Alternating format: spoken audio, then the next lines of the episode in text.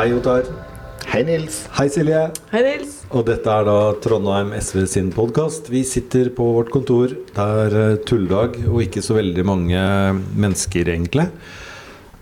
Har folk blitt blakke, tror dere? Godt poeng. Det merkes kanskje godt nå, ja. Ja, eh, folk er helt sikkert mer forsiktige, i hvert fall. Men eh, jeg registrerte når jeg gikk forbi enkelte butikker i Nordregata at det var i hvert fall noen som var interessert i å være med på tolldaghandling. Ja, Vi snakker da om Elkjøp. Den køen der var lang. Jeg Eh, tror de køene starter tidlig om morgenen, gjør det ikke det? Alle har gått hjem nå, de er ferdig med tulldaghamstring. Jeg håper i hvert fall at de hadde mer enn ett tilbudsprodukt inn på den Elkjøp-butikken, gitt den køa. Jeg så det som jeg tror da er en eh, student eh, gående over gamle Bybro med en stor TV. Og Oi. hadde et veldig fornøyd glis. Men det var veldig glatt. Så eh, La oss håpe at vedkommende kom seg hjem med TV-en. Det håper vi, men vi skal snakke litt mer om penger. Eh, altså Det er jo sånn at eh, det er jo krevende tider. Eh, vi har ikke så høy strømpris, men vi har veldig mye høyere drivstoffpris. Vi har veldig mye høyere matpris. Og så skal også politikere få høyere lønn. Hva skjedde her? I bystyret eh, på torsdag så hadde vi en eh, sak som vi i SV fremma eh, om å fryse politikernes godtgjøringer. De, I Trondheim så er det jo avhengig av hvordan man ender opp på Stortinget. Og på Stortinget i fjor, og kanskje i forfjor, så valgte de å fryse det pga. situasjonen og lønnsutviklinga som ellers var dårlig. Um, så hadde de en runde på Stortinget for inneværende år, hvor de bestemte seg for å ta etter det de frøys året før, og tok et skikkelig jazz. 7-8 tror jeg. Tigning. Wow. Da foreslo vi at vi fryser, eller at vi ikke gjør en lønnsjustering her i Trondheim i år, og ikke i neste år. I praksis da så har vi faktisk hatt den samme godtgjøringa fra vi starta etter valget i 2019. Um, og det syns vi er riktig, fordi godtgjøringene er relativt høye. Og det å ikke gi oss uh, lønnsøkning per år er jo en måte å på en måte få bremsa politikernes uh, lønnsutvikling, da. Godtgjøring og lønn, det, man bruker jo ordet om hverandre, men godtgjøringer er det det er. Og hvordan endte det? Det endte med at vi ikke fikk flertall for vårt forslag, og at vi deretter ble med andre partier på å si at de som sitter i formannskap, altså kommunalråder, varaordfører og ordfører, eh, fryses. Mens deltidspolitikere, eller sånn som meg, da, som jobber fulltid av sammensatte godtgjøringer, vi får eh, den justeringa som Stortinget vedtok. Okay. Så hører vi til historien at SV på Stortinget stemte jo mot den økninga. Ja. Eh, Så der så var SV og en del andre partier stemte jo mot at det skal være eh, lønnsøkning også for stortingspolitikere, eh, men det fikk jo ikke flertall. Nei. Så da blir det vel lærerstreik igjen neste år, da. hvis ikke man får 7,5% lønnsøkning. Ja, jeg, jeg syns i hvert fall at det er umusikalsk eh, å gi ei lønnsøkning til folkevalgte på over 7 eh, når ramma i kommunesektoren f.eks. er på 3, hvor den nettopp er 3,7 ca. Ja. Det er klart at eh, økninga vår eh, er jo dobbelt så stor. Det, er, det tar seg ikke bra ut. Nei, for man fjerner jo politikerne lenger vekk fra folket. Mener jeg, da. Ja, i hvert fall lønnsmessig. Altså Når en har eh, stramme lønnsoppgjør, eh, streik pga. knappe rammer, eh, og så får den økninga på folkevalgte, så som sagt, det tar seg ikke ut. Eh, vi får nok kompensert og justert litt med at SV har jo ordninga med partiskatt. Men, men det er klart at utad så ser jo heller ikke bra ut. Nei. Men vi, vi stemte i hvert fall mot. eh, og det var jo Silje som opprinnelig fremma forslaget, så vi har nå i hvert fall gjort et forsøk på å bremse den veksten. Ja, og så bremsa, ble det jo bremsa for noen, da, eller de som er heltids. Nå har jo regjeringa lagt fram en sånn eierskapsmelding for eh, statlig eide bedrifter og selskaper. Som sa noe om at lederne der ikke kan ha bedre lønnsutvikling enn de ansatte. Og det, hvis jeg skjønte det rett, så skulle det faktisk handle om kronene og ikke prosenten. Du har skjønt det rett. Ja, og det kunne kanskje vært et prinsipp man kunne tatt over til vårt godtgjøringsreglement fra neste år, faktisk. At den lønnsutviklinga de ansatte i Trondheim kommune får, er maks for hva eh, politikernes godtgjøringer justeres. I Men kronebeløp. Ja. Ja, riktig. Det er- Dette kom jeg på nå, dette har jeg ikke prøvd å formulere, så det kunne vi kanskje jobba litt med fram til godtgjøringsreglementet skal revideres. Ja, for godtgjøringsreglementet tar jo og revideres eh, minst én gang per periode. Eh, Så det er klart at det er under ett år til vi skal se på godtgjøringsreglementet på nytt. Eh, Men det er klart at eh, det å gå inn på et sånt type prinsipp, eh, det syns jeg ville ha vært en interessant eh, måte å gjøre det på. Det betyr i så fall at jeg ville tippa at folkevalgte skulle ha fått en økning på 1,5 kanskje. Ja, passe. Noen som eh, heldigvis fikk litt mer penger, er jo innenfor BOA. Eh, Hva skjedde der? Der eh, hadde vi jo en, eh, det som heter andre økonomirapport. To ganger i året så får vi en rapport på hvordan enhetene ligger an i eh, si forbruk. Men også hvordan kommunen ellers ligger an i skatteinntekter. Eh, som gjør at vi har muligheten til å justere budsjettet for inneværende år hvis vi ser at det har vært eh, budsjettert eh, ikke så godt. Feil, kan man si, men man ja, man budsjetterer så godt man kan året før. Og hvis en ser at det ikke var riktig, så kan vi justere det to ganger i året. Og den ene gangen hadde vi nå i bystyret sist. Og det ble justert med ganske mye? Og da la vi til 60 millioner til BOA. Det er utgifter de allerede har hatt i BOA aktivitetstilbudet, som i veldig stor grad skyldes at de ikke har eh, nok ansatte, og dermed må bruke overtidsbetaling for å få de ansatte til å dekke den eh, turnusen og bemanninga man trenger. Og det er utrolig viktig at de pengene kom. Eh, Det har jo vært mye oppmerksomhet rundt BOA. Og i, i forslaget til budsjett fra kommunedirektøren for neste år, så er det plusser på 55 millioner. Eh, Men hvis de ikke hadde fått de pengene eh, som de fikk nå, så hadde det i praksis ikke blitt en økning til neste år. For da måtte, for sånn som kommunebudsjettene er skrudd sammen, hvis det er enheter som har et overforbruk, så må de, får de inntrekk året etterpå.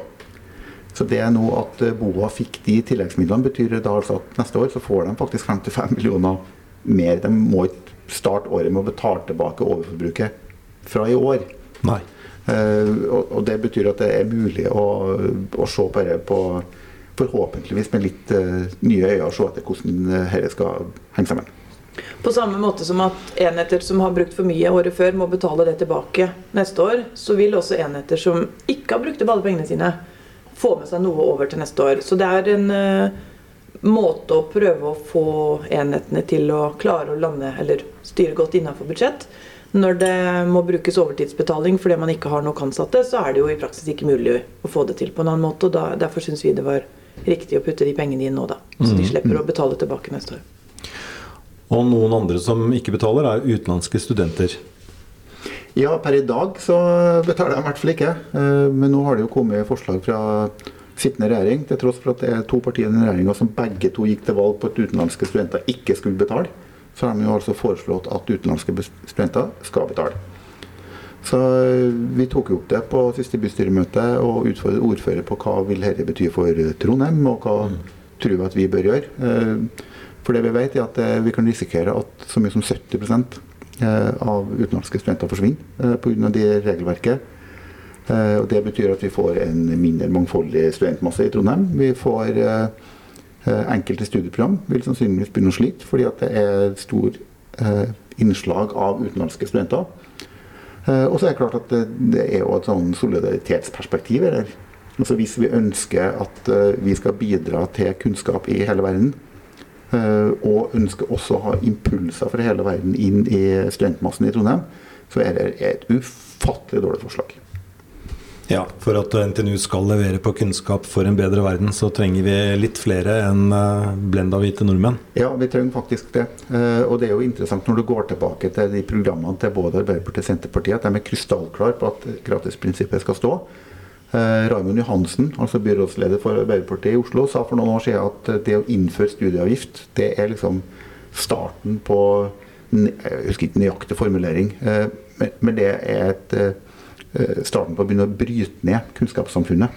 Han brukte utrolig sterke ord. Det var da rett nok mot forrige regjering når de foreslo å innføre det. Men jeg antar at ordene eh, burde vært det samme akkurat eh, fortsatt. De trengte vel penger for å kjøpe Meraker i bruk?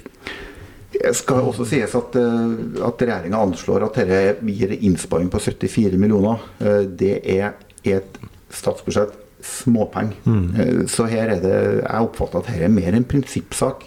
Og når du hører kunnskapsminister Ola Borten Moe og argumentere for at dette vil føre til at vi får mer motiverte studenter, så blir jeg faktisk litt bekymra. For at det argumentet kan du gjøre for alle. Ja.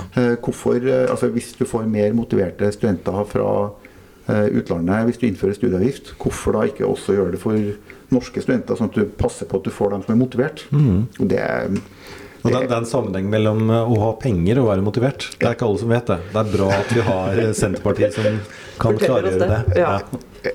Ja, så det er, det er altså bare dem som kommer fra de rike, velstående familiene som er motivert. Ja.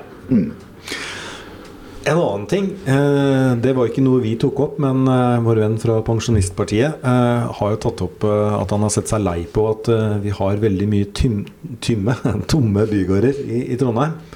Og når vi tenker på at eh, vi hadde jo en jugenddronning som brant, den var jo tom. Det er jo egentlig ganske risky, er det ikke det? At vi Jo. har, eh, og, og det ble jo tatt opp Har vi noe våpen? Kan, kan vi be en huseier eller instruere en huseier til å ta vare på huset sitt? Og der svarte jo den nye byutviklingsdirektøren at det er det faktisk hjemmel for å gjøre. Men eh, hjemler og de juridiske prosesser for å pålegge noen å ta vare på et hus er fryktelig tunge prosesser.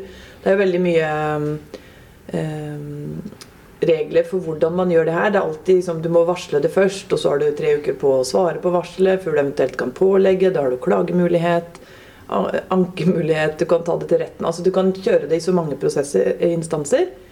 At eh, svaret sånn veldig kort var jo at ja, det fins en juridisk mulighet, men erfaringa viser at det er bedre å få til god dialog med huseier og få og på en måte ja, få til noe sammen, oppfordre til, eller gjennom dialog istedenfor gjennom juridiske pålegg. Da. Men vi ser jo at um, det er noe forsøkt dialog med Bjørnstad, hvis jeg husker rett, eh, om to bygninger eller trehus i Innherredsveien eller Nedre Møllenberg gate. De, eh, den dialogen vet ikke hvor god den har vært, eller om den har vært god, men husa står nå fortsatt helt tomme. Så det kunne jo hende at det var eh, på tide å prøve noe juridisk allikevel, da, selv om det tar lang tid.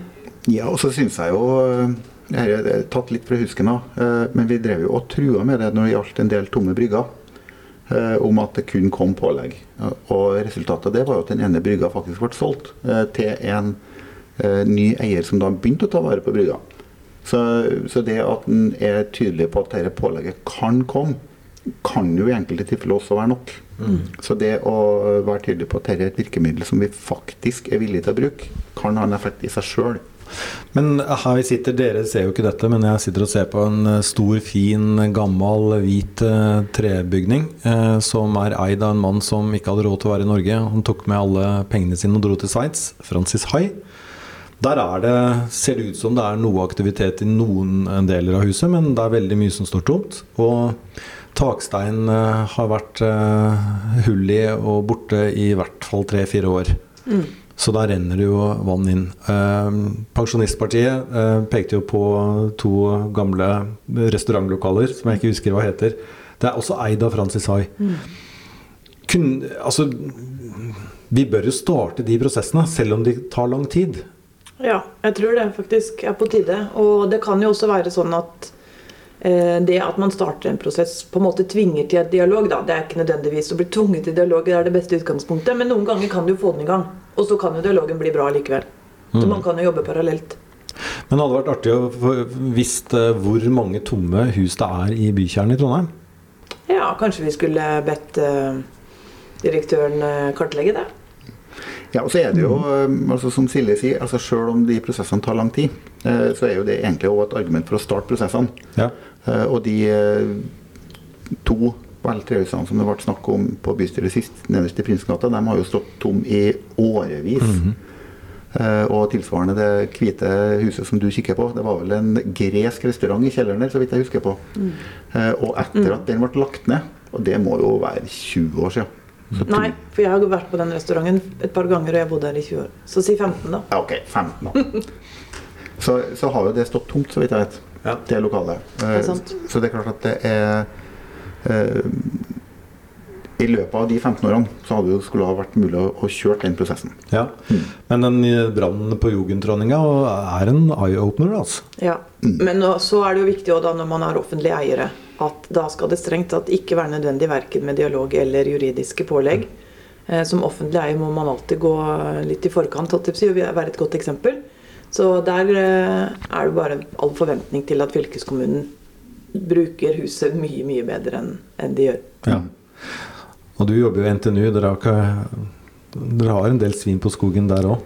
Ja, helt opplagt. Altså, det er en del bygg eh, Nå vil jeg jo påstå at jeg, det er jo ikke mitt personlige ansvar, da, men, eh, men det måten NTNU har tatt vare på de byggene i grensen f.eks., eksempel, Oh, ja. har jo ikke vært bra. Men, men der òg, og det er jo det som er litt utfordringa, er at en ser for seg at dette skal eh, rives og ha en annen bruk.